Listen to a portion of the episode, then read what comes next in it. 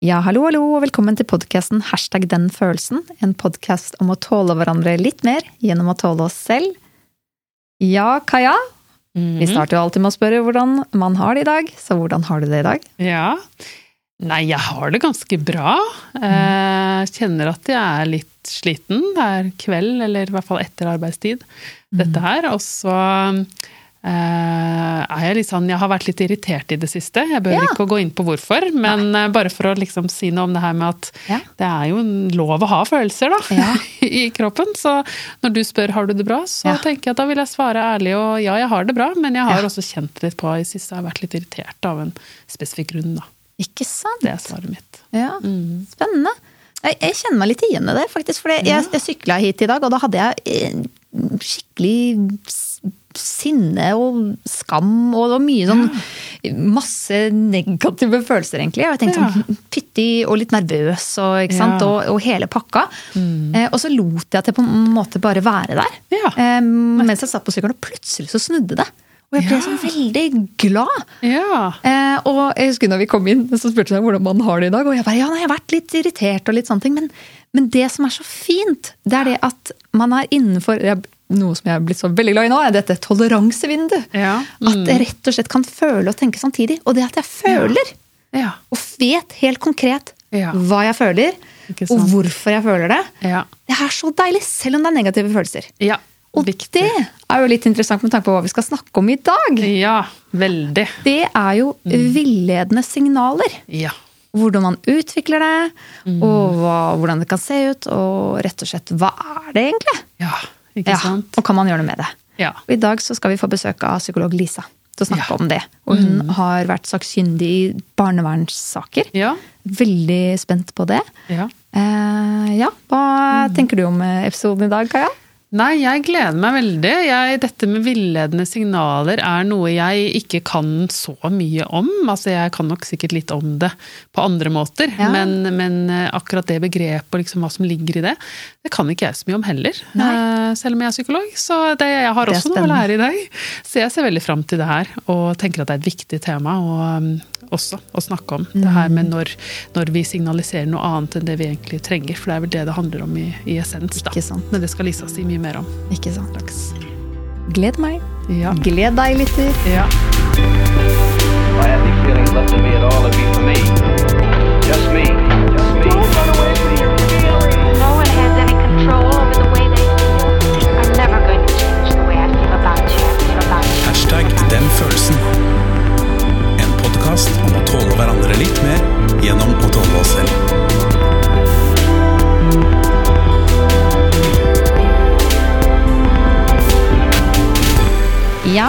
Og i dag har vi besøk av Lisa Elstad. Hei, hei.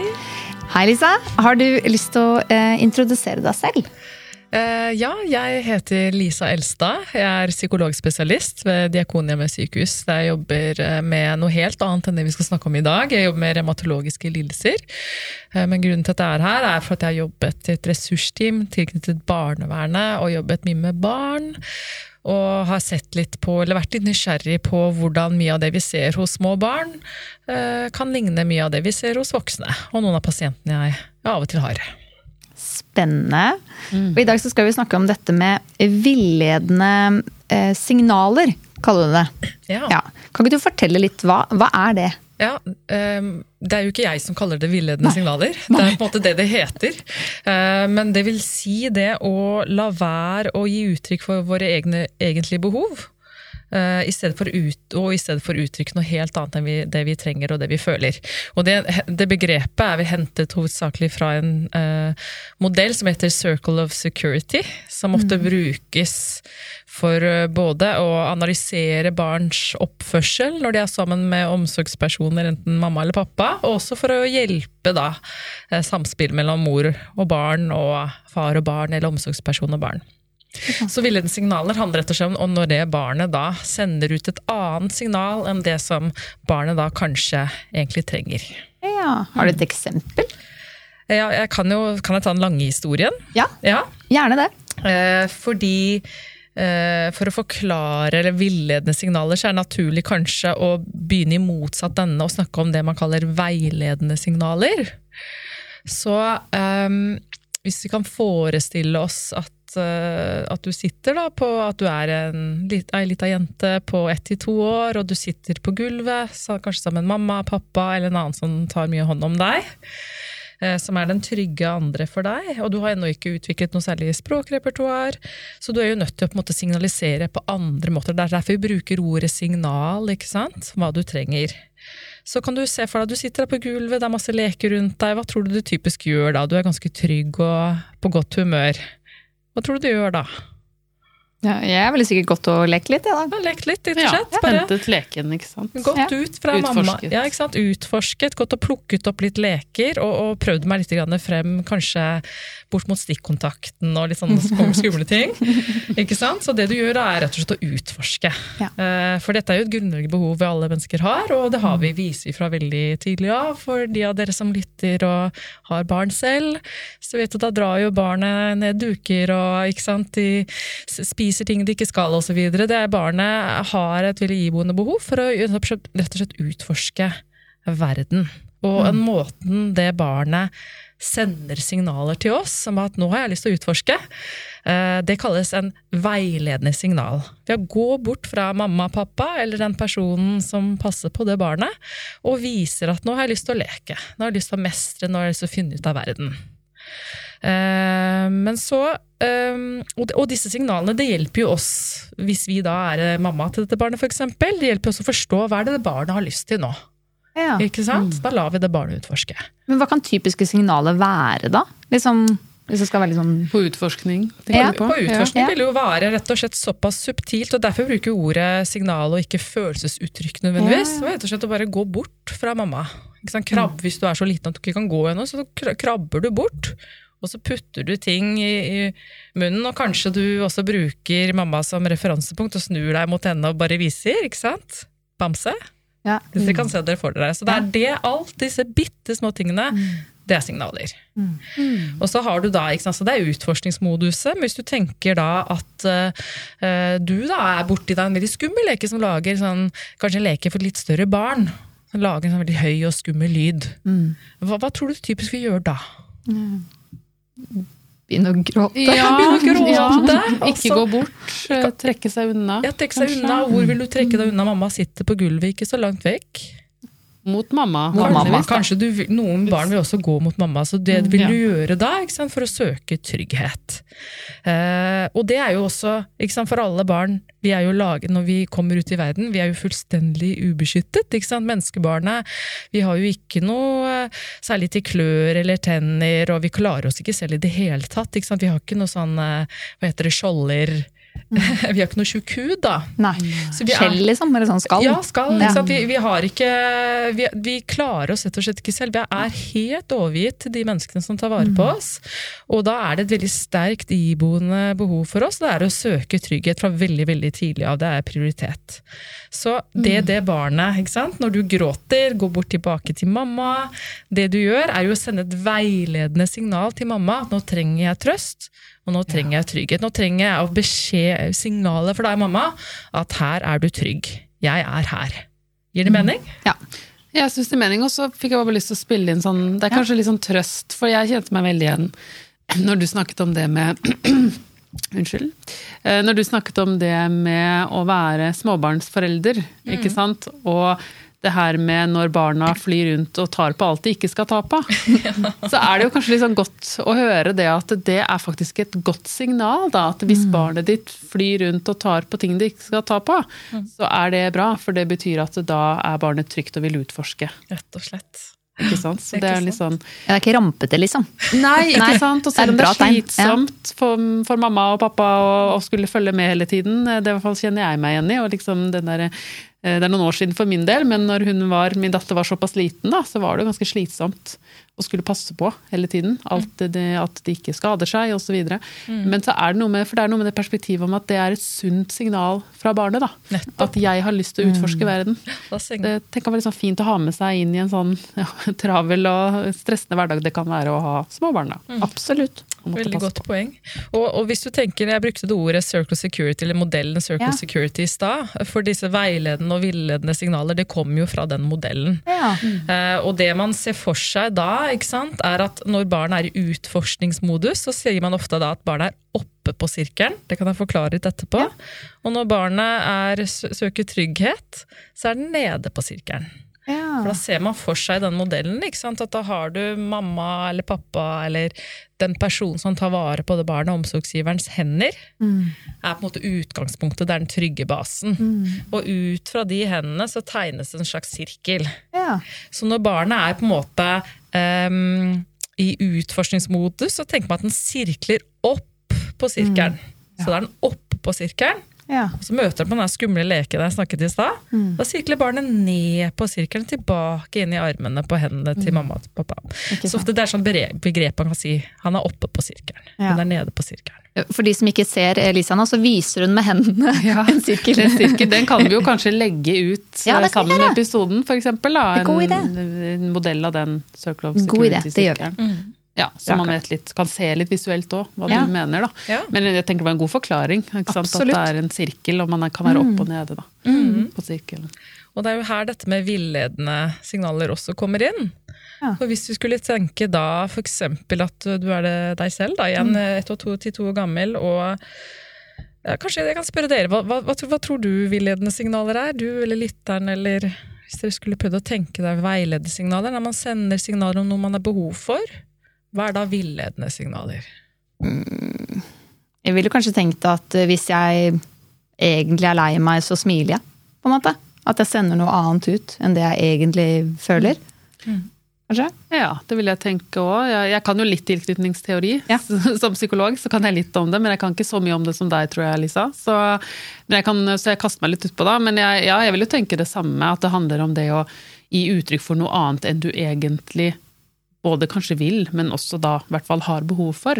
Ikke sant? At du signaliserer noe annet. Eh, kanskje det som oppleves som trygt, på en måte. da. Mm. hvis det du egentlig har behov for å signalisere, ikke oppleves som trygt. Jeg vet ikke om det blir forståelig, men, eh, ja. men rett og slett å signalisere noe annet Ja. enn det du egentlig kunne ha trengt å signalisere. Ikke sant? For hvis du da tenker igjen at vi er det lille barnet på gulvet, og med mamma og pappa, eller hvem den personen som tar vare på oss, eh, og du er i utforskningsmodus nå, nå har du egentlig lyst til å leke litt, ikke sant? Um, kanskje du er i barnehagen, og du skal skille lag, men så merker du at kanskje mamma og pappa de blir litt lei seg, de egentlig. Ja. Når du går, så fritt går bort fra dem og bare har lyst til å leke med de andre barna. Kanskje mamma og pappa blir litt urolig for at de skal skille lag. Uh, Det er noe med barn, vi, sant? dette emosjonelle språket, dette kroppslige språket, det er jo mye viktigere for oss egentlig enn det vi sier med ord. Og barn fra veldig tidlig av, de lærer å fange opp dette her veldig, veldig fort. Og særlig når det gjelder fra omsorgsgiveren vår. Så når mamma og pappa er lei seg, så vil barn ofte merke det egentlig ganske fort. Så si det, da. Du har lyst til å leke, men du merker at mamma og pappa de syns ikke det er så ålreit at du så komfortabelt kan bare liksom dra av gårde og leke med de andre barna. Hva typisk tror du du vil gjøre da? Ja, jeg tenker jo at jeg ville kanskje ikke torde å vise at jeg ble så glad, kanskje. Em, Eller at jeg kanskje ville da lata som om ja, Hvis jeg egentlig har lyst til å utforske, at jeg kanskje ville dytte de litt vekk. Og så heller gå tilbake inn for å trøste mamma eller pappa, da. Ja, ikke sant? Det tenkte jeg på. Altså Ja. søke til mamma og pappa, da. Eller, eller pappa, i stedet for å gå til de barna man har lyst til å leke med, eller gjøre det man har lyst til. Fordi det, den oppfattelsen som du snakker om, som er intuitivt hos barnet, ikke sant? nå er det noe som skjer med mamma og pappa. Dette liker de ikke. Så blir det en større, større fokus, da. Kanskje enn den egne lysten, egentlig. Så da vil jo noen barn da vise kanskje noe annet enn utforskningsmodus. Noen barn vil da vende tilbake igjen ikke sant, til mm. omsorgspersonen, og heller kanskje gi tegn på at de trenger trygghet. Eh, når det de egentlig har lyst på å dra ut på eventyr. Så det er jo så typisk villedende, villedende signal. Hvis du tenker igjen i det samme barnet eller et annet barn, da, utforskningsmodus igjen, ikke sant? vil ut og leke, støte på denne skumle leken. Mm. men også har du, så prøver du å gå tilbake igjen til mamma. Du begynner å gråte, kanskje. men så merker du at eh, den mamma eller pappa eller den personen som skal ta vare på deg, ikke egentlig helt liker fysisk kontakt med deg. I hvert fall ikke når du gråter, kanskje. Eller ikke er så komfortabel med at du søker omsorg på den måten der. Hva, hva tror du du som barn Hvordan vil du reagere da, som barn? Jeg syns det er vondt. Det er jo vondt å tenke på. Ja, det er det. Eh, Men sånn er det jo. Ja, Du kan ja, ja. si at dette med villedende signaler er jo Ja. ingen mor-barn eller far-barn Nei. eller eh, relasjon som er perfekte. Nei, det er ja, ikke det er at alle dere som sitter der ute og er eh, foreldre og får sikkert masse dårlig samvittighet nå, så man tenker at dette her er jo. Barn tåler jo veldig mye, egentlig. Eh, Og alt dette her er helt vanlig. Mm. Men noe skjer litt hvis du gang på gang, kanskje i majoriteten av tilfellene, Mm. opplever at kanskje pappa ikke er så veldig komfortabel Mm. når du gråter og søker trøst. Mm. Hvordan tror du det du som barn da vil Mm. fort, begynne å oppføre deg da?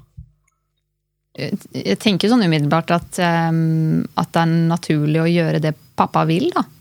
Eller hvis ikke pappa tåler at jeg er lei meg, så slutter jeg å være lei meg, da. Mm. Eller ja, vise de følelsene. Ja, At det er en sånn naturlig Ja, jeg, jeg vil jo tenke at det som vel da kan skje, er at barnet må håndtere den følelsen selv. Altså at det blir vanskelig å få den Ja, man kan jo bruke litt ulike ord på det, men samreguleringen eller noe sånt, det blir litt, litt teknisk, da. Men det Ja, betyr jo rett og slett at Nei, jeg tenker det betyr rett og slett at ikke sant, hvis barnet egentlig trenger trøst hos pappa eller mamma. Nå tok vi pappa, for det Mm. Ja, ja. kunne vært mamma, men Mm, la ja. oss bruke pappa, da. Ja.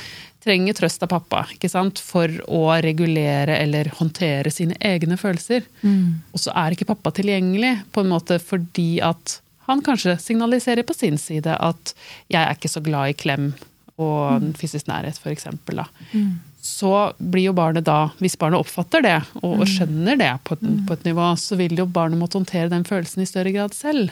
Da er det ikke pappa sitt eh, trygge fang eller sin, sin klem som vil være med på å la barnet håndtere følelsen, da. Eller hjelpe barnet med det. Så da blir jo barnet mer overlatt til seg selv med sine følelser, vil jeg tenke. Det er det som skjer, da. Ikke fordi pappa er slem og Nei. vil ha det sånn, men det er det som kan bli en del av den dynamikken.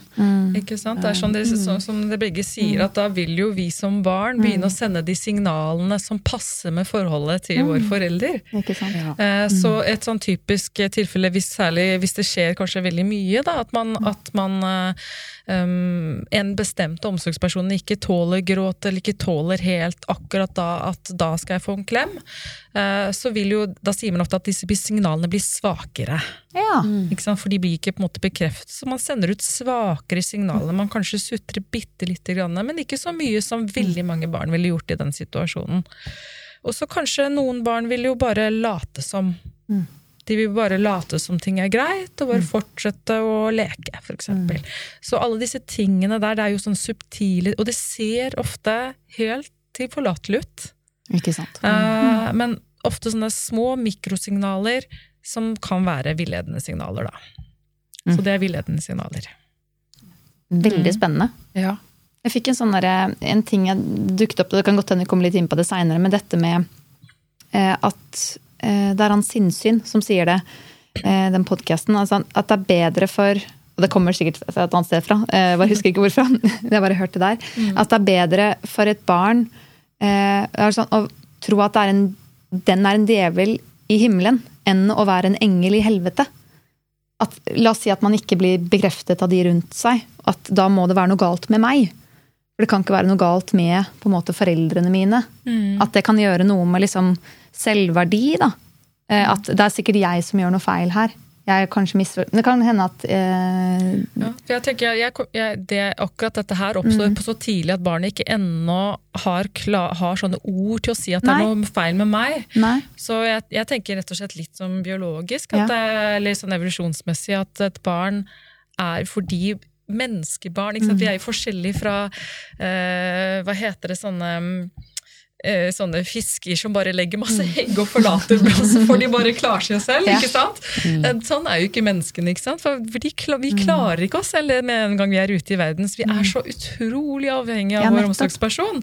Og da er vi veldig avhengig av at den relasjonen til omsorgspersonen skal fungere. Og bli akseptert av den omsorgspersonen. Så selv om barn er jo ikke Det er ikke slik at de eh, sitter som og klekker, på, klekker sammen en sånn kløktig plan for å få det til. Nei. De er rett og slett biologisk eh, Det er inni oss Ja. til å prøve å ivareta relasjonen mm. etter vår evne med den personen som skal ta vare på oss. Mm. Så det er det de barna gjør. De prøver å få til noe, få til noe her. Mm. Ja. Så mye fantastisk i det. Og jeg tenker igjen, alle dere som sitter hjemme og har Nå får ikke jeg så dere to som er foran meg her. Blir veldig trist og så videre. Men jeg må si at dette er jo Sånn er vi. Alle relasjoner dessverre er, eh, har fullt av sånne villedende signaler. Og vi tre voksne som står her, vi har nok noen vi òg. Ikke sant? Som vi Helt sender absolutt. ut. Helt sikkert. Og jeg vet ikke om det, er, om det var noe mer du ville si om dette, men det kan jo være en fin overgang til nettopp det her med For nå snakker vi mye om barn, ikke sant? Og hvordan det her utvikler seg, hva det er for noe, eksempler på hvordan det oppstår. Og så er det jo litt spennende også å snakke om hvordan eh, Altså hva er forskjellen på barn og voksne? ikke sant? Fordi de tilknytningserfaringene vi har som barn, former jo også hvordan vi oppfører oss eller forholder oss til andre som voksne. Absolutt. Um, så, så hadde vi kunnet snakket litt om det, kanskje. Så hvordan, eh, hvordan kan dette liksom, Hvordan tar vi dette med oss eventuelt inn i voksenlivet? Hvordan ser det ut der? Mm. Ehm, det var jo det du begynte å si nå om at vi også, vi tre voksne her har jo også noen villedende Driver også med dette. Ja, Ja. det gjør vi jo alle sammen, og det er derfor ikke alle våre relasjoner er perfekte, dessverre. Nei. Eh, For eh, det med tilknytning, det, det antas jo utvikles særlig i de første leveårene, eh, når vi ennå ikke har utviklet noe språk. Og det vil jo si at den primære måten for oss å erfare verden eller forstå andre, det er jo gjennom våre følelser og på en måte gjennom kroppen vår, ikke sant? Eh, Og det blir liksom værende altså Det er ikke for å være deterministisk, eller noe sånt, for veldig mye kan formes etterpå, men veldig mye av det blir litt grann værende med oss etter hvert som vi vokser opp. Og det eh, kan av og til, du vet sånne små puppets, hva heter det, sånne Ja, dukker, dokker med tråder. Hva ja. sier du? Ja, dokker, dukker med tråder, ja. Hva heter det? Marionetter? Marionetter, ja. Sant? Det er akkurat dette tilknytnings... Man kan kalle det trådene. Det kan føles litt sånn at det styrer oss helt uten at vi har helt kontroll over det, og uten at vi kan se dem. Ubevisst, ja. Litt sånn ubevisst på et vis. Mm. man skal bruke, om man, om man skal bruke et ord som ubevisst, så kan man kanskje si litt det. Ja. det kan, for mange av oss så kan det oppleves litt sånn um, hvis man er i en drøm, sant, har en drøm, og så kommer det noe stort og skummelt mot deg, og så merker du at du kan ikke bevege deg. Mm. Har dere noen gang drømt det? Ja, veldig mange ganger. Ikke sant? Så det er ikke Ja. noe sånn at du nødvendigvis tenker så fryktelig mye, men du bare opplever det at 'jeg kan ikke røre meg'. Og sånn kan mange av oss voksne oppleve bitte lite grann i vår egen hverdag også. At det er, eh, det er bare med oss. Enten så merker vi med oss selv at jeg er mye mer hemmet enn alle andre i situasjoner som andre ikke er. Eller det motsatte. Jeg overreagerer. Jeg reagerer mye sterkere enn andre. Eh, Og jeg kan ikke noe for det, og jeg vet ikke helt hvorfor. Så, eh, så, så, så akkurat det der med å kanskje ikke klare å Apropos den drømmen, da, der vi låses litt. Vi og voksne også. eh, vi, vi har jo kanskje av og til også vent oss til å sende sånne så, såkalte svake signaler for omsorg. Noen av oss har det.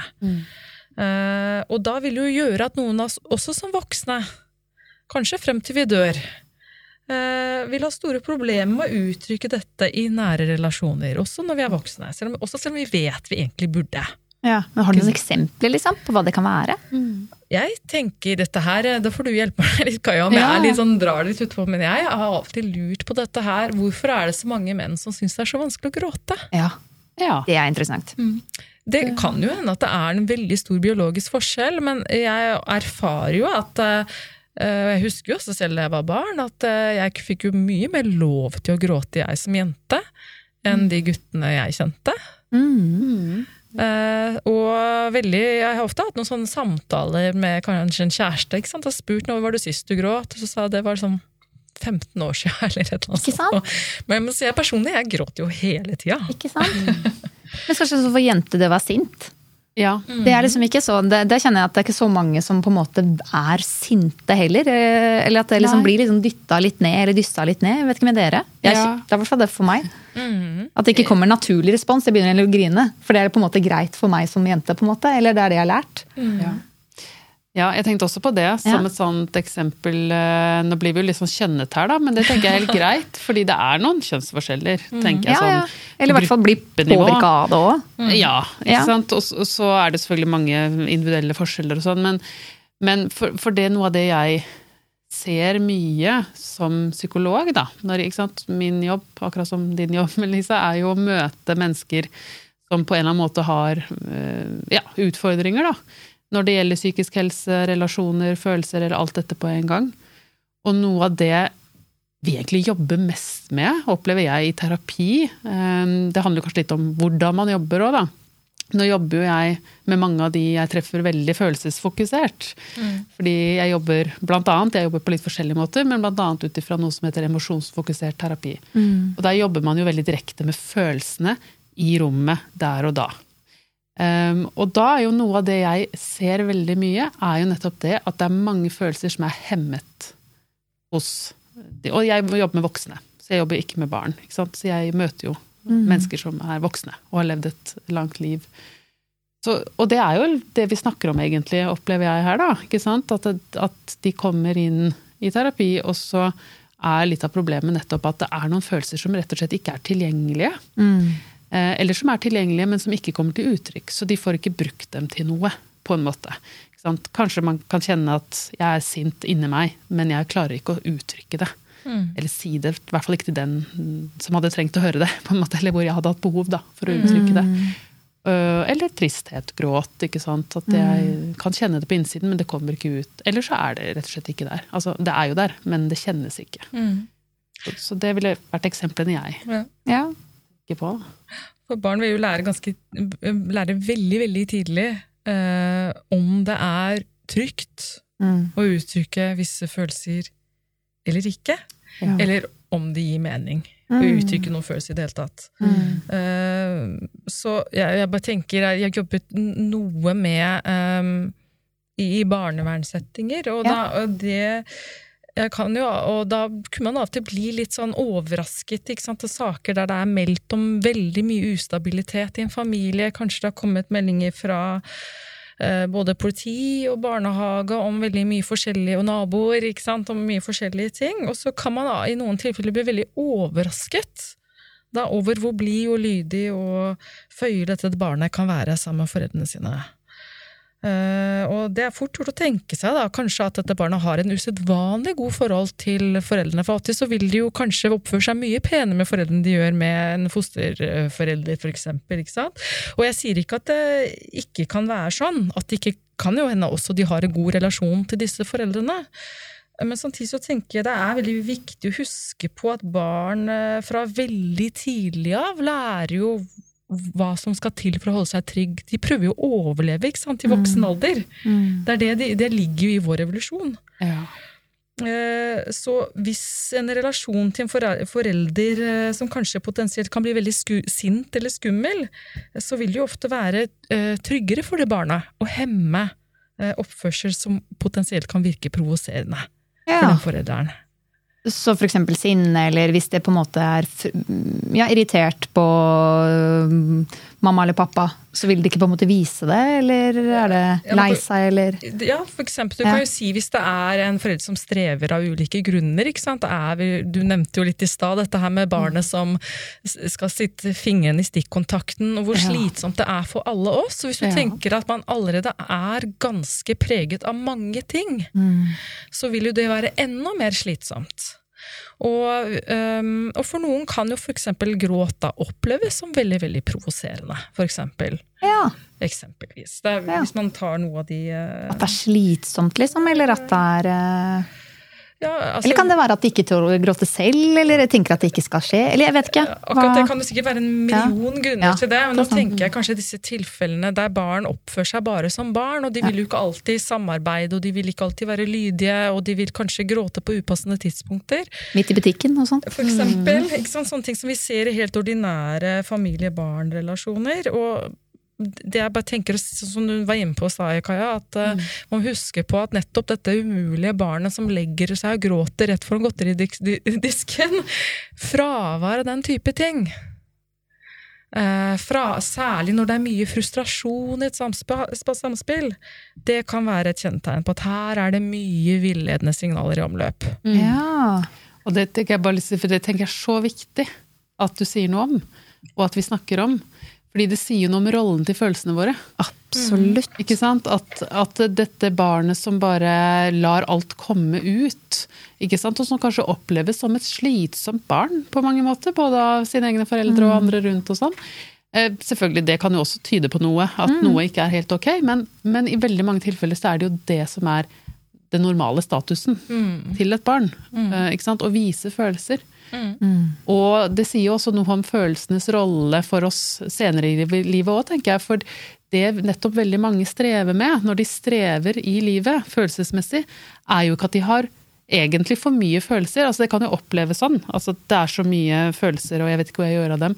Men hvis du går litt bakenfor det, så er jo ofte problemet at de mangler kontakt med følelser.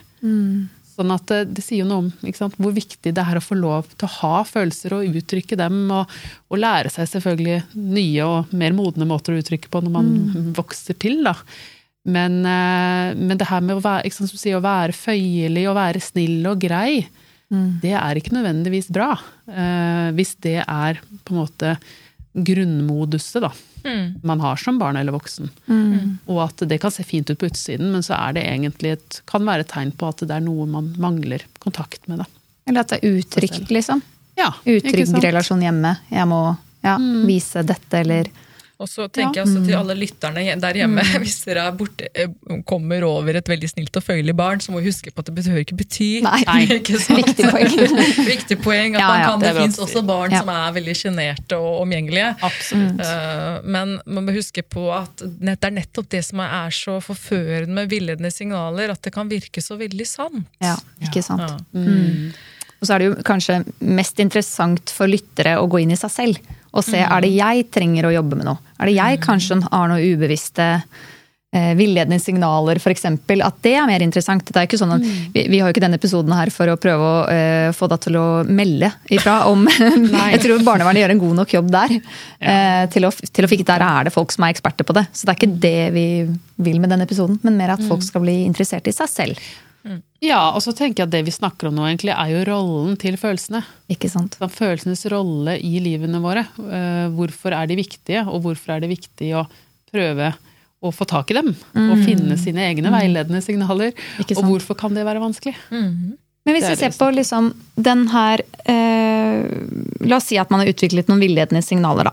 Og så sier man at det, det, er jo, det er jo flere Det er vanlig også, ikke sant? at alle ha, kan ha noen ting. Eh, så hvis vi tar noen eksempler på hva som er liksom vanlig, og så tar vi det helt til skalaen til at det er på en måte Man burde virkelig jobbe med det, da. Eh, og søke hjelp. Har man noe, kan man snakke litt om, om den Hva er vanlig mannen i gata? Ja. eh, villedningssignaler. Og hva er eh, Man bør gå og jobbe med det. Ja, Det spennet der. eh, Kan vi snakke litt stort, om det? et stort, stort spenn, og det er jo ikke alltid man trenger å jobbe med Folk leve, kan leve godt med alle disse her på et Ja. vis, da. Ja. Uh, men uh, kanskje vi nevnte jo dette med gråt, ikke sant? var litt borte på dette med sinne. Det er jo noe jeg opplever ofte at jeg støter på, er at eh, mange kan ha vanskelighet med å gjenkjenne og ta på alvor følelser av sinne. Um, og jeg tenker jo at det kan jo ha noe med å gjøre at du av en eller annen grunn har befunnet deg kanskje i en familiekontekst der det har vært en følelse som kanskje ikke har vært så um, akseptert, da, av en eller annen grunn. da. Eh, og, og, det, og det vi kanskje kommer sikkert til å overlappe en del med deres, episo eh, deres tidligere episoder, men det er med det å ikke klare uh, å kjenne på det der behovet for å sette en grense. Ja, For det er jo det raseri egentlig er, ikke sant? ikke sant. Eh, For hvis vi har veldig svake indre, ikke sant? hvis vi ikke har klart å vi snakket jo, eh, Det har jo vært en del snakk om covid, ikke sant? og det at man mister luktesansen etter covid. Og, du, og øh, vet dere hvordan man trener opp luktesansen? Vet du Nei. Nei. Man rett og slett går og lukter på ting. Man lukter gjerne på sterke ting.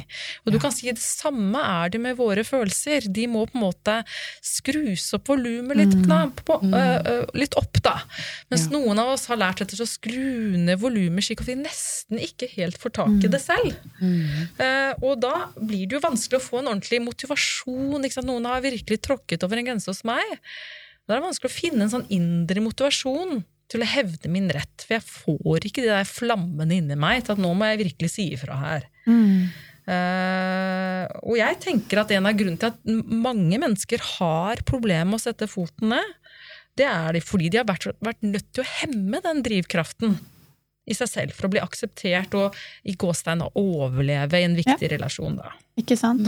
Og så har vi jo ikke vi et samfunn som legger til rette for sine heller. Vi er jo ikke et, eh, Norge er jo ikke kanskje eh, høyest opp der for å liksom eh, Det kommer jo fort litt sånn hvis du, er, hvis du er veldig mye sint, eller er, viser sinne, uttrykker sinne, eh, så er det liksom Oi, klarer du ikke helt å passe sånn Skjerpe deg litt og ta deg litt sammen. Så vi har jo Hvis du, selv, hvis du tar akkurat sinne, da, så tenker jeg at vi kunne ha tålt litt mer sinne i Norge. Ja, Det er jo sikkert mye som er kulturelt, og Ja. da blir jo det på en måte normalt i vårt samfunn. Ikke sant? Mens i andre samfunn så er det jo mye mer tuting og Ja. Never ut av vinduet lufta. og, ikke? Ja. og skjellsord og sånn, som Ikke sant? tåles mye mer. Ja. Uh, og dette gjelder jo alle følelser, det er jo ikke bare sinne og gråt, men det kan også være glede, det kan være nytelse, eh, entusiasme. Masse familier som ikke tåler entusiasme. Ja. Eh, for det er ulike familiesystemer tåler ulike typer følelser. Ja. Og stolthet i Norge. Det skal vi også snakke Ja. om en gang. Fordi jeg tror eh, janteloven eh, har tatt litt stolthet, som er egentlig en veldig fin følelse. Og den handler veldig lite om sammenligning med andre. Sånn egentlig. Den, den genuine stoltheten. Men det blir fort Oi, tror du du er bedre enn de andre? Nei, jeg bare kjente Og det er Ja. Men det er, en- vi skal komme til Ja, ikke stolthet. sant? Det er en sånn kulturell kanskje ting. Ja. Og så er det fra familie til familie. Ikke sant? Noen familier tåler kanskje bedre at barnet er trist, Mm. enn at det er sint eller entusiastisk. ikke sant? Så da vil det foredles liksom frem i ulike familier, kanskje. Ikke sant?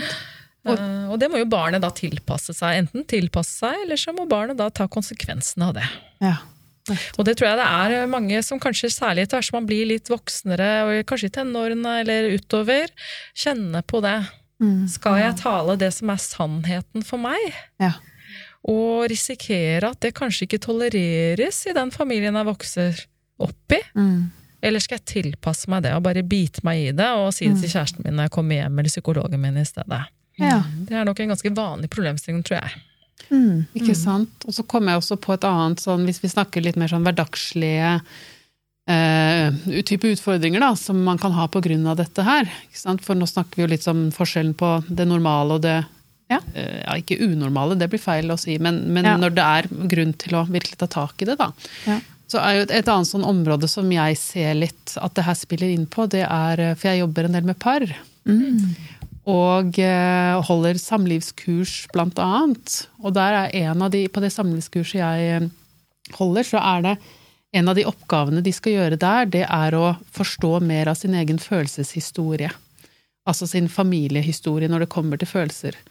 Og da er det jo eksempel det her med hvilke følelser var det lov å vise i din familie når du vokste opp, og hvilke følelser var, var det ikke lov å vise, og hvordan ble du møtt på det og sånn. Og da sitter jo de sammen og snakker om, eh, både ser på seg selv, på en måte finner dette hos seg selv, og så snakker de sammen om det. Og så snakker de også om hvordan påvirker det oss som par. Mm. For det er jo noe med samspillet mellom mennesker der òg. Hvis vi kommer fra helt ulike familiekulturer, for å kalle det det, da, når det gjelder følelser, så kan det også bli en hverdagsutfordring som kan bli ganske stor da, i noen Absolutt. parforhold. At den ene parten eksempel er kjempevant til at sinne er helt greit, og sinne er til og med bra, og det fremmes, og det å være sint er å være sterk, ikke sant? Så møter den personen da en annen en som har lært at sinne er kjempefarlig. Det skal vi ikke vise, da må du roe deg ned, ikke sant? Og så, men du kan godt være trist, eksempel. Så det blir, kan jo bli ganske sånn krevende å, å stå i sånn i en parforholdshverdag, da. I hvert fall hvis ting spiser seg litt til, og det er litt stress og litt sånn press på det parforholdet. Så det er også et sånt eksempel på en vanlig Mm. liksom, type konsekvens. Jeg har jo hatt en Jeg tror jeg har hatt et litt sånn villedende signal, faktisk, eh, som jeg jobba med hjemme. Ja. eh, med, med samboeren min. Eh, jeg, det, eller dere kan jo si om det er det, da. Men eh, hvordan skal jeg forklare det? Når vi har, da vi kranglet før, så hadde jeg eh, Da jeg ble Jeg ble vel sint, men jeg opplevde jo selv inni meg at jeg ville ha kos og trøst. Men så viste jeg på en måte avstand. Så jeg liksom dyttet han unna gjennom å liksom lokke meg litt. Så, um, og jeg husker på en måte at um, etter at vi liksom hadde kommet ut av krangelen, så er det jo lett å ta metapraten etterpå. Ikke akkurat når det skjer. Ja. Men det husker jeg sa at ja, men, eh, jeg vil egentlig bare ha liksom kos. jeg vil alltid ha kos! Og så sa han sånn, men, eh, Kjæresten min da, sa liksom, men jeg, det er jo ikke det du sender ut av signaler til meg. Eh, Jeg tror jo at du skal slå meg, liksom, hvis jeg kommer i nærheten av deg. At du sier liksom ikke ta på meg. Eh, Men jeg sier det ikke med ord. Eh, Og da har jeg begynt sånn, men legg merke til at jeg sier det ikke med ord. så eh, hvis jeg sitter stille, og, og, jeg, og det er rett og slett bare at jeg, har, jeg klarer ikke, jeg har ikke kapasitet nok når jeg er så lei meg, da, til å spørre om å få kosen. For det er så skummelt, ikke sant? Eh, men jeg vil gjerne ha kosen. Så hvis du klarer det, kan du komme og sette deg ved sida av meg og gi meg en klem. Eh, og, og, eh, og da skal jeg Jeg kommer aldri til å slå, ikke sant? Jeg kommer ikke til å dytte deg Slå er jo veldig sånn Men jeg kommer ikke til å dytte deg vekk.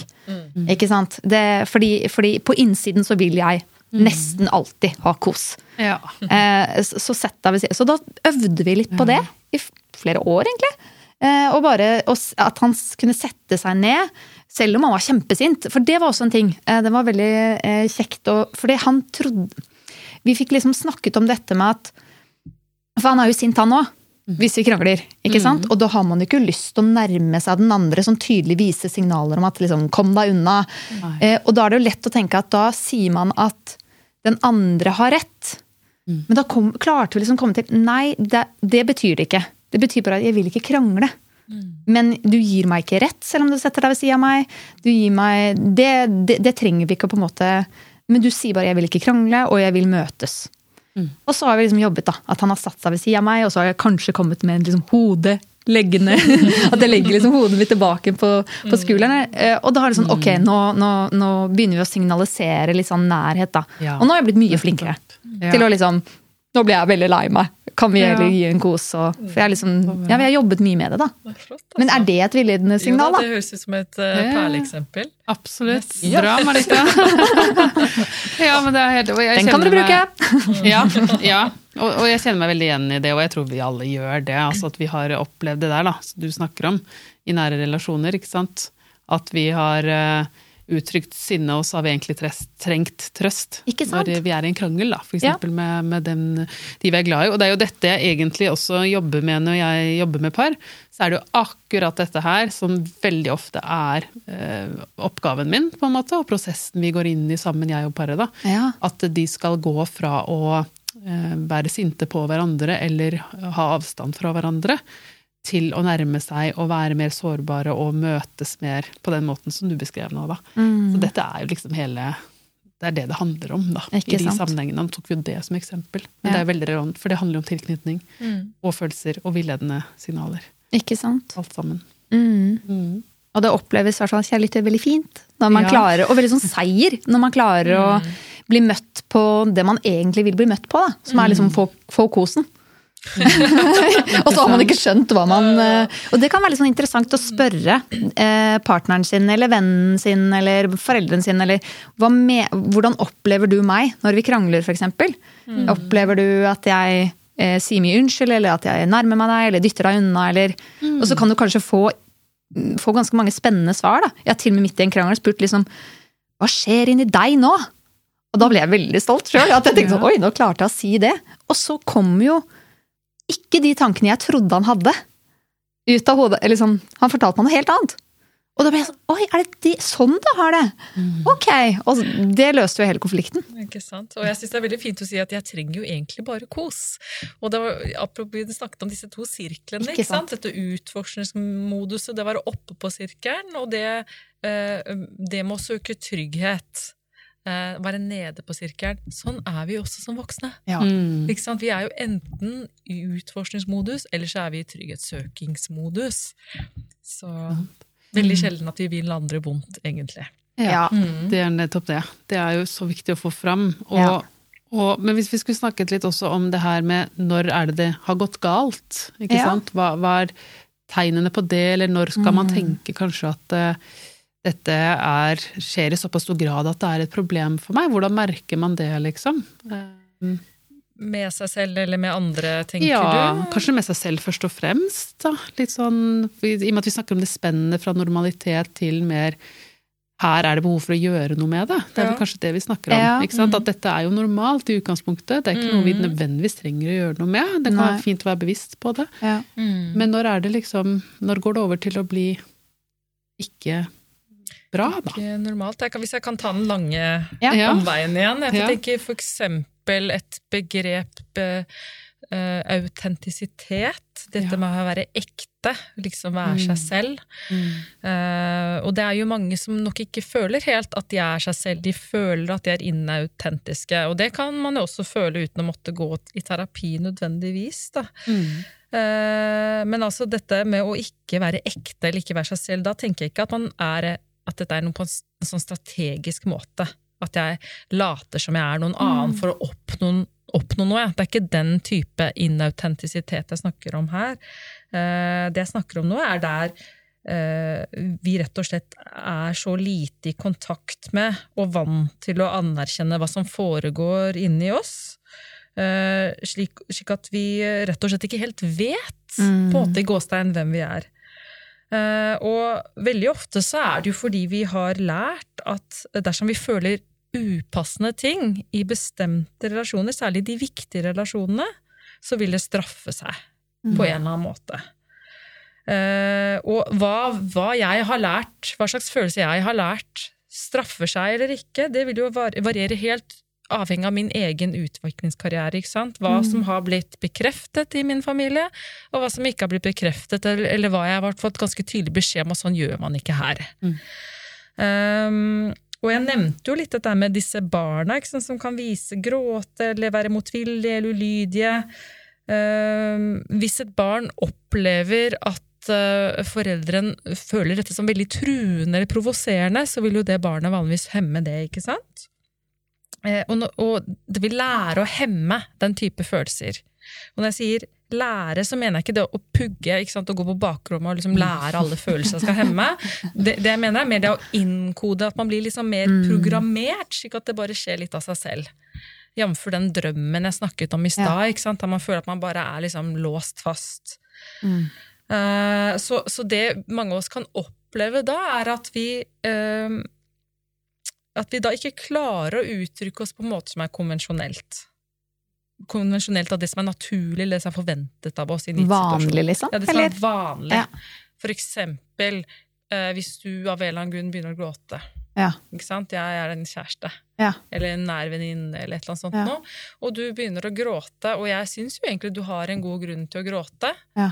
men jeg klarer bare ikke føle medfølelse for deg.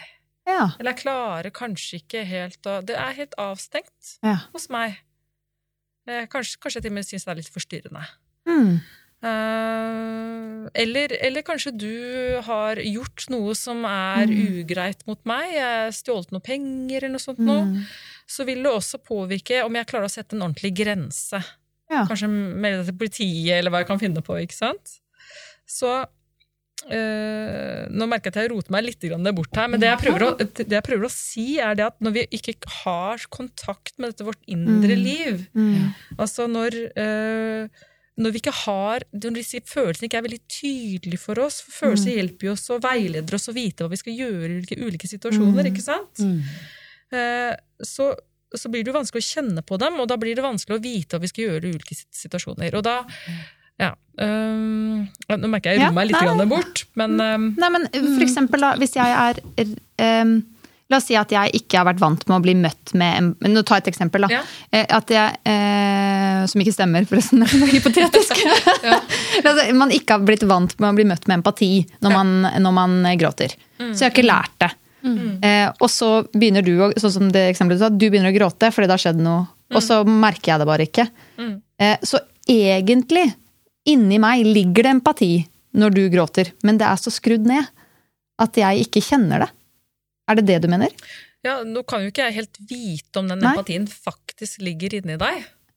Ah, Det kan jeg nok ikke egentlig helt vite, men det jeg vil si er at vi alle mennesker Ja. er jo skrudd sammen sånn at vi egentlig er i stand til å Ja. oppleve alle grunnfølelser. Ja. Og at jeg tenker mer når jeg tok den der covid, Ja. trene opp luktesansen, Ja. at vi kan trene oss opp til å bli Mm. bitt, få litt sterkere indre signaler. Kan jo hende at vi kommer, kom, jeg kommer kanskje ikke til å bli den mest empatiske personen Nei. du har møtt. Mulig at jeg ikke kommer helt dit. Mm. Kan hende. Mm. Eh, Men at man kan trene seg opp og, lære, og kanskje begynne å oppføre seg Mm. i tråd med følelser som vil være mer passende i den situasjonen. Der, for eksempel. jeg vet ikke, Hva tenker du om det, Jo, eh, Kaja? ab absolutt. Og jeg sto og tenkte litt på dette her Hvis vi snakker om dette spennet fra hva som er normalt til hva som er ikke unormalt, for det, det blir jo liksom feil ord i denne sammenhengen. Ja. fordi Men uhensiktsmessig, da. uhensiktsmessig. For personen selv. Ikke sant? At det skaper mer trøbbel enn man Ja. trenger. Det Man er det god. sånn. Det er en god måte å si det på. fordi ikke sant, Det er jo en grunn til at vi er som vi er. Det Nettopp. kommer fra et sted. Det kommer fra noen erfaringer osv. Og, så og vi har jo ofte tilpasset oss den verdenen eller de omgivelsene vi har levd i. Og derfor så blir vi som vi blir, da. Ja. Så, men som du sier, det kan være uhensiktsmessig. Særlig i en voksen, når vi er voksne, da. Ikke sant? Det som var hensiktsmessig når vi var barn, er kanskje ikke det når Nei. vi er voksne. Det var et forsvar da du var barn, ikke sant? Ja, Som var lurt. Si. Eller? Eller en tilpasning, Ja. da, som var Ja. lur å gjøre, fordi vi er avhengig av besøkspersonene våre, som Ja. Lisa snakket om i stad. Og så, så vil jeg tenke at det som kanskje er, eller i hvert fall for det jeg ser, som sagt, eh, også i min, når jeg jobber med mennesker da, som kommer i terapi, er jo det at de, når de kommer i terapi, så er det jo på en måte Det de beskriver som problemet sitt, er jo ofte at eh, jeg er deprimert, eller jeg har en depresjon, da. Eller jeg har angst, eller ikke sant. Disse er jo typiske psykiske lidelsene. Og så er det mange måter å forstå psykiske lidelser på, bare så det er sagt. Eh, Dette er jo ikke sånn to streker under svaret nødvendigvis. Men jeg syns jo ofte jeg da ser dette her, ikke sant. At når vi går bakenfor det som er Og du kan si angst og depresjon, er ikke det følelser? Jo, det er jo det. Men det er følelser litt sånn eh, Som har gått seg litt vill, da, egentlig. Mm. Um, Det gir jo mening, det. ja, Ja. og, og, og i emosjonsfokusert terapi da, så, Ja. så betegner vi ofte de følelsene der som dominerer når man har en psykisk lidelse, Ja. for sekundære følelser. Altså det er følelser som ikke er de der egentlige følelsene du egentlig har. Men det er følelser som har kommet som en reaksjon på f.eks. da at det er vanskelig å føle sinne, det er vanskelig å føle tristhet. Um, så i stedet for da så, så har jeg frykt, så er jeg redd, ikke sant. Så har jeg angst, for eksempel. Så, og det handler jo ofte da om at de ikke har vært kommet i kontakt, eller de har måttet hemme ned disse grunnleggende primærfølelsene. Da. Og det, så sånn, på den måten så kan jo disse, det med villedende signaler og det å ikke ha kontakt med følelser, ikke bli møtt på følelser og sånn, kan jo føre til, mm. hvert fall hvis vi ser det på den måten, da, så kan det jo føre til psykisk uhelse. rett og slett. Absolutt. Og behov for behandling, og kanskje sykemelding, og problemer i relasjoner, problemer i livet. Så, så det er jo på en måte sånn kan si, Når er det vi skal tenke at dette bør vi gjøre noe med? Det vil jo ofte være når det går utover livet vårt. da. Ja. På en måte som vi tenker selv er uhensiktsmessig. Ikke Ikke sant? sant. Det blir vanskelig å være i relasjoner, det blir vanskelig å være i jobb, det blir vanskelig å fungere.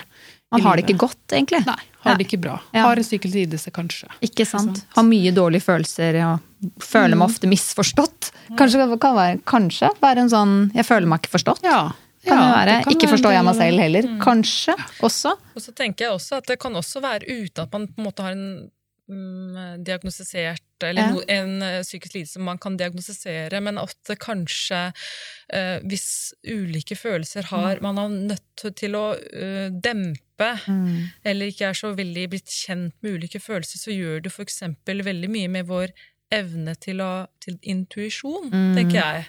Eh, Veldig mange av oss har jo en slags magefølelse når vi støter på bestemte personer, så merker jeg jeg blir ikke med den personen inn i den bakgata. Jeg skal ikke på nachspiel med deg. Og du, selv om du kanskje er en annen person, så vil du få en, en følelse Ja, der, der kan jeg bli med på nachspiel. Ja. Ikke sant? Vi, det er, vi er Vi trenes opp til å bli gode på å få kontakt med disse magefølelsefølelsene. Men la oss si at du er vokst opp i en setting eh, der du ofte har måttet ignorere dine egne følelser. Eh, du kanskje ikke har hatt mulighet til å kommunisere dem, og du har ofte kanskje måttet handle på tvers av dine følelser. Så vil jo denne intuisjonen bli veldig avslørt. Den vil jo ikke, apropos den covid-luktesansen, den vil ikke være så veldig opptrent, den. Den vil være avslepet og veldig utydelig. Og problemet da blir jo da at når du møter en situasjon der du kanskje har andre, andre kontekstuelle tegn på at 'jeg burde kanskje ikke bli Ja. med den personen på nachspiel', så har du ikke den magefølelsen om at dette betyr trøbbel. Og så Ikke blir du med likevel. Ja. Og jeg opplever av og til, eksempel hvis jeg har jobbet med um, um, eksempel en person som har, har levd i en voldelig relasjon da, Mm. i mange år, så er det ikke alltid de selv klarer å se faresignalene som en utenforstående personer ser. Opplever jeg. Og jeg eh, jeg vet, jeg vet ikke hvor mye belegg jeg har for akkurat dette her, men det Mm. er som om de ikke føler at det er fare på ferde. Mm. Eh, Det er jo et sånt spørsmålstegn mange kan spørre seg hvorfor blir hun? Ja. Ja. Eller hvorfor, ble, hvorfor gikk du inn i den voldelige relasjonen, og så enda en til? Mm. At det kanskje kan ha noe med at det er noen signaler som bare ikke er sterke nok, rett og slett. Mm. Så, og nå er vi jo inne litt til der, hvordan er det Mm. å være en Ja. som har eh, liksom manglende kontakt med følelser, og som gir mye villedende signaler av den grunn, da. Ja. Hvordan er det å være Ja, Hvordan føles det for den personen? da? Ikke sant? Hvordan er det å være den personen? Og jeg, jeg tror jo vi, vi har jo alle opplevd det. Altså Vi har jo alle opplevd å være den personen. Mm. Selv om kanskje ikke i så stor grad at det har vært eh, et, et stort problem nødvendigvis. Eller kanskje har det det. Eh, Men vi har jo alle opplevd det. Ja. Ikke, Å være i en situasjon hvor vi føler, enten ikke vet hva vi føler, eller Mm, hva vi ja, ja. trenger, eller sender ut andre signaler, da. Ja, ja, sånn som det eksempelet jeg hadde i sted, Ja. med krangling. Mm. Jeg forsto jo at Men det var gjennom liksom den dialogen at ja, han skjønner jo ikke hva jeg prøver å si. Og, og, og, og Oi, det, dette er interessant, Mm. liksom. Dette må vi snakke om. Hvordan er det du opplever meg, faktisk? Ja, Og da fikk jeg jo den innsikten, og så kunne man gå inn i det. ja. Da, men da har jo du kommet ganske langt allerede, Ja. tenker jeg da. ja. Fordi veldig mange Så, så godt å høre. Jo, men det kan fordi veldig mange mennesker der ute har jo ikke De kommer kanskje ikke på engang at de skal spørre på den måten, eller Nei. tør ikke å gjøre det, eller Så det vil jo ofte være en sånn opplevelse av å, å kanskje være forvirra, ikke Ja. vite liksom hva er riktig for meg nå. Ja. Um, fordi den der indre, som sier, kontakten med det indre og den autentiske delen Mm. er ikke der så sterk, da. Eh, Så det kan jo være én ting, at man vet ikke helt selv Mm. hva, hva jeg vil nå, og, og føler seg kanskje enten forvirra eller litt sånn tom, eller Mm. eh, vet ikke helt hvem jeg er, og disse tingene her, da, som kan være ganske slitsomt. Mm. Og så er det jo de tilfellene hvor man kanskje kjenner noe, men man signaliserer det ikke Ikke sant. ut. Så blir noe litt annet, men likevel lignende, da. Har du noen eksempler på det, liksom? Um, ja, det er jo dette her som vi snakket om i stad, da. Med barn som f.eks. kan kjenne at de har lyst til å gå og leke Ja. med de nye vennene i nabolaget, men så vet de at det tror Da blir mamma engstelig. Så, Mm. Og dette er jo litt større, dette er jo ikke ettåringer, da, dette er jo litt eldre barn, da, som kan Mm. kjenne litt på det, kanskje, eh, i tydeligere grad. At da vet jeg at mamma kan reagere med å bli engstelig, blir mamma redd. Mm. Så da eh, kjenner jeg ut, iveren og utforskningslysten, men jeg følger den ikke. Eh, fordi at det, det er et annet behov der, da, som er å ta vare på mamma. Ikke sant? Sånn, så det kan jo være f.eks. at det er der, men jeg følger det ikke, jeg signaliserer det da ikke ut. Og sånn kan det jo være som voksen òg, Mm. tenker jeg at Ja. ja, jeg har egentlig lyst til å vise dette her, eller ja. uh, Men jeg tør ikke, eller Mm. eh, får det ikke til. Men kan det da være noe litt sånn hypotetisk, dere hjelpe, eh, eller hjelpe men kan det være sånn at man føler La oss si man er i eh, blir forhold, det er liksom nærmeste relasjon man kan snakke om da, som voksen. Så det kan være hva som helst, ut ifra hvordan man har fått en eller annen eh, tilknytningsstil. Da. Men la oss si at man eh, har egentlig lyst til å dra ut mer, da, for eksempel. Trenger mer frihet og egentlig, men har ikke lært det fra man er liten, at det er greit. Og at man kanskje har en mor eller far da, som, som, eh, som trenger mye støtte og trenger mye at man må trygge dem. Eh, Liksom, nei, jeg har ikke egentlig lyst til å dra jeg, jeg, Mor eller far er redd for at barnet skal dra fra, på en måte. Selv om egentlig, og, og, og da hemmer man den utforskningsbiten. Og så kommer man i relasjoner, og så kanskje kan man oppleve at eh, at, eh, at partner er mer kontrollerende enn den egentlig er. For det er et speil bare på omsorgspersonen. Og så tenker man, Fordi man selv legger på en sånn type 'jeg må sjekke inn hele tiden hjemme'. Eh, som egentlig ikke skjer nå. Men man kommer inn i en relasjon, og så finner man så kanskje en partner som aksepterer det, som kanskje har litt mer beskyttelse, sånn, lignende behov da, som foreldrene. Mm. Sånn at man går i de samme sporene om igjen og om igjen, og at man ikke legger merke til at man selv også er med på å forme en sånn type mm. eh, relasjon, da. Ja. Hvis det gir mening. Ja. Eh, og at hvis man da håndterer det fra hvordan Gå litt innover i seg selv og se hvor kommer det her egentlig fra, og healer den biten, ja. så ser man kanskje at å ja, jeg kan egentlig dra mye mer ut, ja. jeg, jeg har tenkt at eh, kjæresten er veldig kontrollerende og må være mye hjemme, og at jeg må hele tida sjekke inn, men det er egentlig jeg som tror det. Det er mye mer Ja. rom her, egentlig. Kanskje.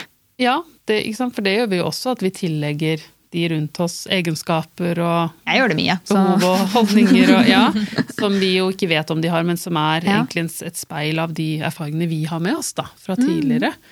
Så, så vi kan jo både liksom legge litt for mye inn i ting, og så kan vi liksom, ja. som Lisa snakket om, da, det å, å ikke være i stand til å kjenne på fare, på en måte, ikke sant? og Mm. kanskje ikke forstå at dette mennesket prøver faktisk å kontrollere meg.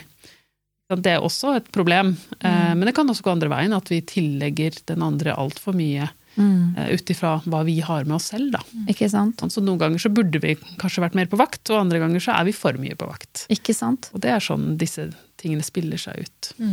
Og Hvis jeg kan trekke litt tilbake igjen til barn, og sånn, for det er jo ofte Ja. der på en måte de villedende signalene ofte først dukker opp. Da. Ja. Så, så det ene problemet med villedende signaler er jo at det mest naturlige. er at eh, Da vil jo ikke vi rundt forstå hva barnet Nei. trenger. ikke sant? Og um, Hvis man skal tenke for eksempel eh, Hvis vi tar barnevernssak igjen, da, så kan det jo bli litt problematisk der uh, for eksempel et barn man håper på å tilbakeføre barnet tilbake til foreldrene, deres biologiske foreldre. Men hvis det barnet da har veldig mange Altså hemmer sine følelser og signaler veldig mye, så blir jo det er veldig Det ser veldig troverdig ut, altså det skal jeg love dere. Det ser veldig sånn ut. eh, At, at det er faktisk det barnet opplever. Men det vil jo villede disse foreldrene. Slik at disse foreldrene ikke får da de tydelige signaler på hvordan de skal oppføre seg mot et barn som kanskje er veldig redd dem. For eksempel. Så det er på den ene siden, det er jo på en måte en sånn voldsom sak, men hvis du tenker mer et annet ulempe med de villedende signalene, er jo at um, uh, at det frarøver jo mange barn fra å bli kjent med mange av Ikke sant? følelsene sine. For følelser, ikke sant, når barn dere som har eh, der ute, som kanskje har hatt har et lite spedbarn akkurat nå, så er jo på en måte følelser til barn er jo det man kaller dikotomt. Det er liksom enten bare negativt, eller bare positivt. Og, og vi som foreldre må jo da bare gjette. Hvorfor, hvorfor, Ja. hvorfor gråter du nå? Ja. Ikke sant? Og så man, har man en hypotese. Er du for varm? Er du sulten? Så tester du hypoteser og sjekker ut hva er det som gjør at det barnet roer seg nå. Trenger du å sove? ikke sant? Og eh, det er jo nettopp gjennom det samspillet med andre eh, at, at det, følelsene våre begynner å såkalt differensieres, at de begynner å skille seg fra hverandre. I begynnelsen så er det bare negativt og positivt, men ved at eksempel mamma spør da ble du lei deg nå? Ble du sint nå? Ikke sant? Så får barnet hjelp til å begynne å gjette litt på hva deres egne følelser er. Men hvis det barnet hemmer de følelsene, så vil jo ikke de få hjelp til det samspillet og kategorisere de følelsene. Og hvis det vedvarer da gjennom oppvekstårene, så er det jo ganske mange følelser som går litt grann under jorden, som de ikke helt har koll på. Og da vil det jo kanskje fortsette å være i den mm. dikotome, det todelte systemet, at det er negativt og positivt, og særlig da, of, veldig ofte særlig de negative. Mm. De vil da bare skli inn i hverandre og være litt kaotiske, og det blir vanskelig for oss å vite helt hva er det Vi kjenner på noe voldsomt, kanskje, men vi forstår ikke helt hva det er. Nei, veldig svart-hvitt, nesten. Sånn Ja, det er jo det følelser er opprinnelig, ikke sant? Ja. Og så er det jo veldig menneskelig det der med å liksom ja. kategorisere og føle fryktblandet fryd og alle disse Ja. tingene der. Det er jo ikke så mange andre dyr, tror jeg, som Nei, opplever det, eller? så, nei, ikke så Eller så vet dere, eh, elegant, på en måte. Eller så sammendifferensiert, eller så liksom Kompleks, kanskje? komplekst. Ja, Ja. takk. Og det er veldig eh, deilig når man føler masse forskjellige komplekse følelser, og man Ja. kan bare sånn Nå føler jeg det, det og det. litt av hvert Da å- tenkte jeg at da har jeg kommet langt. Ja, da har man kommet et stykke på vei. Ja. Ja. Så, men hvis vi skulle snakke litt sånn om hva, hva, hva kan man gjøre, da? Hvis man enten selv opplever at, eller for de som hører på nå, og tenker at oi, dette opplever jeg veldig mye, Mm. og jeg kunne faktisk tenke meg å gjøre noe med det, eller jeg har lyst til å liksom se om Mm. hvordan blir livet mitt hvis jeg Mm. eh, lærer meg kanskje mer å være i kontakt med følelser og Ja. formidle det på en god måte. Eller hvis man ser det hos andre. Mm. Nå snakker vi jo mye om barn, ikke sant? og du sa jo i stad at eh, hvis vi møter snille og hyggelige barn nå, så er det ikke sant at vi med en gang skal tenke oi, oi, oi, dette, var, dette er ikke bra. Her ikke skjer det noe gærent. Ja, at vi må være litt forsiktige med Ja, ja. hvordan vi tolker dette her når vi ser andre. Men, men skal vi snakke litt om det? At Ja, det er liksom- veldig interessant. Men tenk, eh, og spesielt den der interessen for seg selv, da. Ja, Den der, Kanskje det er lettere. Um, er, det er nok lettere å ta det i seg Ja, selv, ja. ja. At, eh, at det går først innover, tenker Ja, jeg. Eh, og se har jeg noen villedende signaler. Mm. Uh, jeg tenker i hvert fall For min del, da. Det jo da jeg oppdaget denne ene, jeg har sikkert mange. uh, men det er jo det at jeg blir misforstått. Ja. Og det er sånn, Hvis jeg blir ofte misforstått, det er jo et godt tegn, da. På at kanskje mm, Ikke sant? Her er det et eller annet ja, du er og- vanskelig å lese, Ja, på en måte. ikke sant? Eller eh, Ja, jeg er kanskje ikke eh, Hvis noen sier sånn nå, eh, nå ser jeg at du er Og så føler, føles det ikke sånn på innsiden, eksempel, så er jo det et, også et interessant tegn. Og, og det å kanskje tørre å være litt modig, da, og spørre. Liksom, hvordan opplever Spørre de rundt, og spesielt de man er glad i og tar tillit til. da. Og si liksom ok, hvordan opplever du meg i en sånn type setting? Eller hvordan opplevde du meg i sted? For jeg følte meg misforstått, eller hvordan syns du Jeg er vel for det å spørre folk litt rundt, altså. Og ikke bare alle. For det er noe med å finne seg selv òg. Og hva er faktisk viktig for meg. Um, Det er kanskje den enkleste for de som på en måte Ja. ikke nødvendigvis tenker at de skal gå i terapi. da. Ja, ikke Men det er jo selvfølgelig Jeg vil anbefale alle det, tenker jeg. Å gå i terapi. Ja. Ja. Uh, ja, så, sant? så nå snakker du om den hverdags... Ja. Eh, måten å angripe det på, ikke Ja, sant? for de At Man, ja, man kan begynne å bli nysgjerrig. ja. Man kan bli nysgjerrig på seg selv og på hvordan man oppleves av andre. Mm. Og er man i en god og nær, trygg relasjon, så kan man jo også utforske litt sammen med den personen. Hvordan opplever vi hverandre Ikke i et sant? parforhold, for eksempel. Man kan høre på denne podkasten her, og så kan man lære litt om hvordan man eh, skal Ja, Hvordan det følelsene føler. kan man forhåpentligvis få noe ut av, ikke Ja. sant? Eller mm. lese noen gode selvhjelpsbøker om følelser, for eksempel. Det kommer jo Mm. Veldig mye bøker om følelser for tiden. Det er, en sånn, det er veldig i vinden, dette som med følelser. Det er bra. Så det kommer veldig mye litteratur om det også nå. Um, og så tenker jeg litt sånn som det du sier, og det er ikke fordi at det er noe som eh, gjelder for alle, men jeg tenker jo også at det å For det kan jo være vanskelig også, da, å skulle nøste opp i alt det her alene. Absolutt. Um, så jeg tenker at det er en veldig god indikasjon for terapi. Uh, ikke nødvendigvis, for, Og man behøver jo ikke en psykisk lidelse heller for å gå i terapi, eller b- begynne liksom med, med en sånn terapeutisk prosess, enten Mm. på egen hånd eller sammen med en terapeut. Mm. Så, så det er jo Jeg vil også, selv om eh, Ja, jeg vil ikke liksom forstå som at jeg mener at alle skal gå i terapi hele tiden for alt, men, men jeg tenker at det er jo det vi driver med i terapi, da. Mm. Det er jo å hjelpe den andre personen med å komme mer i kontakt med seg selv på en måte, da. Mm. Og, og bli tryggere på hvem jeg er og hva jeg føler, og hvordan jeg kan uttrykke det, og bli mer autentisk. Mm. Eh, For jeg tenker at det har en sammenheng med psykisk helse og det å oppleve livet som meningsfullt og verdifullt. Absolutt. Så, så det er jo noe i det. Mm. det. Terapi er et verktøy for å Mm. Men det er jo selvfølgelig ikke alle som kan eller vil eller må i terapi. Nei. Nei.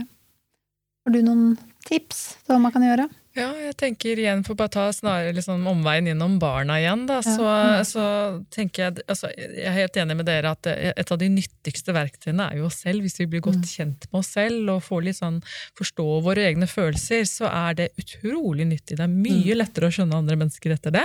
Ja. Uh, og når du da ideelt sett har kommet for, for ofte, eller, eller så ender det opp med at vi fargelegger gjerne, Ja. vi forstår andre i lys av våre egne følelser, og så kan det bli litt surrete. Hvis vi ikke har helt ryddet opp i den uh, båsen selv først. Um, men hvis vi da går i, i veien innom barn først, hvis vi tenker på disse barna som hemmer utforsking for eksempel, hvis man uh, har en liten mistenke om det, så eh, som for eksempel villeder oss til å tro at de trenger trøst uh, når de jo egentlig vil ut og liksom leke og dra på eventyr. Så det aller første er jo å tenke at også disse barna trenger trøst. Mm. Skal ikke tvinge noen barn ut i selvstendighet. Nei. Men uh, det man kan gjøre da, er kanskje litt, gi dem litt ekstra støtte og oppmuntring til å greie ting selv, og lede dem, hjelpe dem inn i lek, og også først og fremst hvis, vi, som, hvis jeg som mamma da, har hatt en tendens til å bli litt grann urolig når barnet mitt vil på eventyr, er å vise for barna at jeg syns setter pris på det. Mm. At jeg syns det er hyggelig at det barnet, eh, barnet mitt eh, leker og koser seg med andre. Eh, og hvis du tenker da motsatt tilfelle, av disse barna som hemmer behov for trygghet, så er det jo igjen ikke sant, eh, disse barna som villeder oss til å tro at de klarer seg selv når man har en liten mistanke om at man er kanskje litt redd og lei seg. Igjen så gjelder det å ikke på en måte tvinge på dem omsorg som de jo ikke vil ta imot. Men heller ikke vent til de kommer til deg. Mm, Ikke vent til de kommer til deg og ber om trøst. Mm. Gå gjerne bort til det barnet og si litt hva du ser. Mm. Og se, si at jeg ser, det ser ut som du er, har det, det er noen vanskeligheter her, og trenger du noe hjelp? Og må huske på at dette her um, har kanskje barnet gjort veldig lenge, så det kan at du blir avvist de første gangene. Ikke sant? Og det må man bare tåle. Mm. Men da gjelder det å bare liksom fortsette litt. Grann. Mm. Fortsette mange nok ganger til barnet er nok trygt til å skjønne at ja, men der kan jeg kanskje faktisk søke litt støtte hos. Mm. Og da hvis du skulle sveipe opp i voksen alder, så tror jeg faktisk veldig mye at dette gjelder for voksne også. Det tror jeg. Ja. Ja. Vi har et lite barn i oss, Mm. Ja. og jeg tror vi ikke skal forlede oss til å, til å Vi skal liksom ikke eh, lure oss selv til å tro at noen mennesker er mer spesielle enn andre. Mm. Nei. Jeg tror rett og slett se litt på konteksten. Mm. Og særlig hvis du har blitt litt sånn godt kjent med dine egne følelser og vet hva folk ofte føler i ulike, situasjoner, så gjett lett. Mm. Og så kan du gjøre akkurat det samme med voksne, vil jeg nesten si. altså. Ja, Ja. jeg er enig. Mm. Ja, det er jeg veldig enig. Jeg tror det, og også sånn som den der, at Da får jo de den læringen som de skulle fått da de var små. Mm. Ikke sant? Den derre det er naturlig å bli lei seg når dette skjer, og det kan man gjøre med voksne. Jeg setter kjempepris på det når eh, venner gjør det med meg, eller samboeren min gjør det med meg. Og jeg blir sånn, å ja, er det det? Ok. Og så får man, blir jeg litt klokere, eller får et nytt perspektiv på ting. Og, Ikke sant? Så det, ja, det, er veldig fint. At vi er egentlig litt små barn. Ja. Og jeg kan kjenne veldig ofte igjen fanget og utforskning.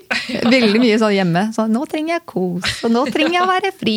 Og, så jeg tenker at eh, det Ja. Nei. Det, jeg kjenner det veldig igjen i eget liv. Ja. Mm. Enig. Mm. Og så tenker jeg liksom, eh, dette her igjen, Hvis du skulle titte på oss selv, jeg, er er veldig enig med mye av det dere har sagt. og sånn, og det at huske på at vi, vi alle har jo litt villedende signaler. ikke sant? Det er ingen eh, foreldre- og barn-forhold som er perfekte. Så veldig mange av oss har disse blindflekkene, disse øyene som vi ikke har helt oversikt over. Og, og jeg kan jo gå ut i verden og være på jobb og med venner, og alle syns jeg er så fornuftig og klok og vis og har kontroll på mine, mitt indre liv. Og så kommer jeg inn i et kjæresteforhold, og så ser det ganske annerledes ut. Ikke sant. Eller at man får egne barn, og så er det ikke så lett som jeg hadde sett det for meg. For det er ofte i de nære relasjonene dette her trigges hos oss. Mm. Og, eh, og det som er litt paradoksalt, og på en måte litt, litt hyggelig også, er at uh, ofte så er det i de sunneste relasjonene at det mest irrasjonelle dukker opp. Ja. Det er litt rart. Mm. Og, og grunnen til det er jo at det er jo i de sunne relasjonene vi kan være oss selv nok eller lenge nok, til å være, i det hele tatt være sårbare. I utrygge relasjoner så må vi jo alltid late litt som. Det er det. Da fortsetter vi å tilpasse Da er man fortsatt føyelig, da. Ja. Hva sier du? Da er man fortsatt For eksempel. Ikke sant? Ja. Mm, tilpasser seg. Ja, Så man blir litt det urimelige barnet som legger seg ned på eh, foran godtedisken og er griner. Ja, når man er trygg. Ja. Så det er, ja, det er veldig fint. Ja. Det er en sånn amerikansk psykoterapeut som heter Ken Page, som han kaller det the wave, sier han. Han sier at når han ser Han jobber ny, mye med mennesker som søker har vanskeligheter med å inngå i par, da. Og han sier at han jobber med disse menneskene, og når han ser the wave komme, da er det et tegn på et godt. Da har det funnet en, kanskje en, Hvis det er en person som har vært i mye usunne forhold, når the wave kommer, og man kanskje vil slå opp og man begynner å synes å kjede seg med den andre personen, og sånne ting, kan være et tegn på at dette kanskje er et mer liv laga forhold enn vi har vært i før, noen av oss. Mm. Det er spennende. Det er en uh, fin uh, avslutning. Ja. eh. Jeg har lyst til å snakke sånn mye mer om det.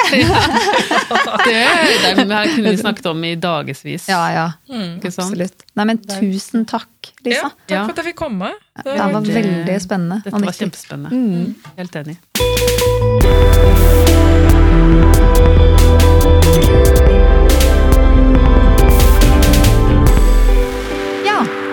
Da har vi hatt eh, Lisa på besøk. Ja, Hva syns du? jeg syns det var kjempespennende. Eh, og så for meg, Jeg er jo psykolog selv, så man skulle kanskje tro at jeg visste alt dette fra før, men det gjorde jeg ikke. Så jeg syns det var veldig spennende å høre om det hun gikk inn i i dag. Mm. Helt enig. Mm. Uh, og det er jo så Ja, at vi alle har det litt. Eller kan ha det. Ja, Det synes jeg at det er litt sånn normalt ja, også. ikke sant? Det er ikke bare liksom når det har gått skikkelig gærent Nei. at du får det, men at det kan være ganske vanlig. Ja, det er vanlig, det er menneskelig. ikke Ja. sant? Det her med å eh, Og det var det Lisa snakket mye om, var jo det her med at dette er en del av det naturlige samspillet Mm. mellom barn og foreldre. Så det er ikke sånn at fordi vi har foreldre som ikke har klart å møte oss på alle følelser, så er det noe galt Nei. med dem eller med oss. ikke sant? Men det kan være med på å forklare litt av ja, hvorfor er det noen typer følelser som er vanskeligere for meg å kjenne på, eller vanskeligere for meg å uttrykke. Ikke sant? Kanskje handler det litt om det samspillet jeg hadde med mine foreldre, uten at det behøver å være noe galt i det. Ikke sant? Ikke sant. Det er en normal del av livet. Mm. Det er veldig sånn håpefullt eh, noe med det. Litt sånn normaliserende, og i hvert fall jeg som på en måte deler eksempler på ting eh, ja, der jeg har Ja. hatt litt villedende signaler, egentlig. Ja, Det er litt sånn ikke Ja. sant? fint. Og så er det også veldig spennende, da, kan jeg si, av erfaring, å jobbe med de tingene selv. Ja, Det er veldig sånn Ja. Eh, veldig god følelse. Å faktisk klare å kommunisere hvordan jeg egentlig har det. Ja, Og kanskje da i de vanskeligste settingene, som er sånn krangling, som det var for meg. da. Ja, Og, og det å kanskje se også, har man hensiktsmessig måte å krangle på? Ja, Eller Mm. Ja. Ikke sant? Og det er jo budskapet i mye av det vi har snakket Mm. om i dag, er jo nettopp dette med at dette kan man gjøre noe med. ja. Ikke sant? Det er mulig å jobbe med å bli bedre kjent med følelsene sine, Mm. og bli eh, Ja, syns, vi syns at det er lettere å gi uttrykk for dem, da. Ikke De, sant? de egentlige følelsene som eh, liksom representerer de egentlige behovene våre. Ikke sant. Så det er noe veldig håpfullt i det, som du sier. At Mm. selv om det, det, på mange, det kan gå galt på veldig mange måter, på et vis, men det Ja. er mulig å gjøre noe med, da. Ikke sant? Dette kan vi lære oss på nytt. De ligger der. liksom Følelsene ligger tilgjengelig, og, og de, du trenger bare skru opp lyden, liksom. Fø, må- følte, ja. jeg, følte jeg nå. Du må skru opp lyden på følelsen. ikke sant? Eller det er ofte, Eller, ja, Ja. eller ned, eller finne riktig Finne lyd. riktig lyd. Ja, finne riktig Hvilken lyd. lyd er det egentlig som står og summer inni der, bak all bråket på en måte, som kan, som kan oppleves som? da. Ja. Så, så det, dette er veldig håpefullt. Dette er, eh, det kan jo være en lengre vei for noen enn for andre, men det er Mm. mulig å jobbe med å skru opp volumet og finne riktig lyd på følelsene. Ikke sant.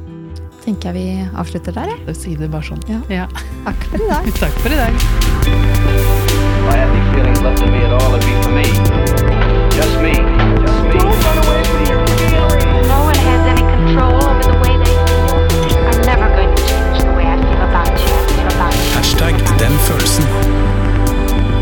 podkast om å tåle hverandre litt mer gjennom å tåle oss selv.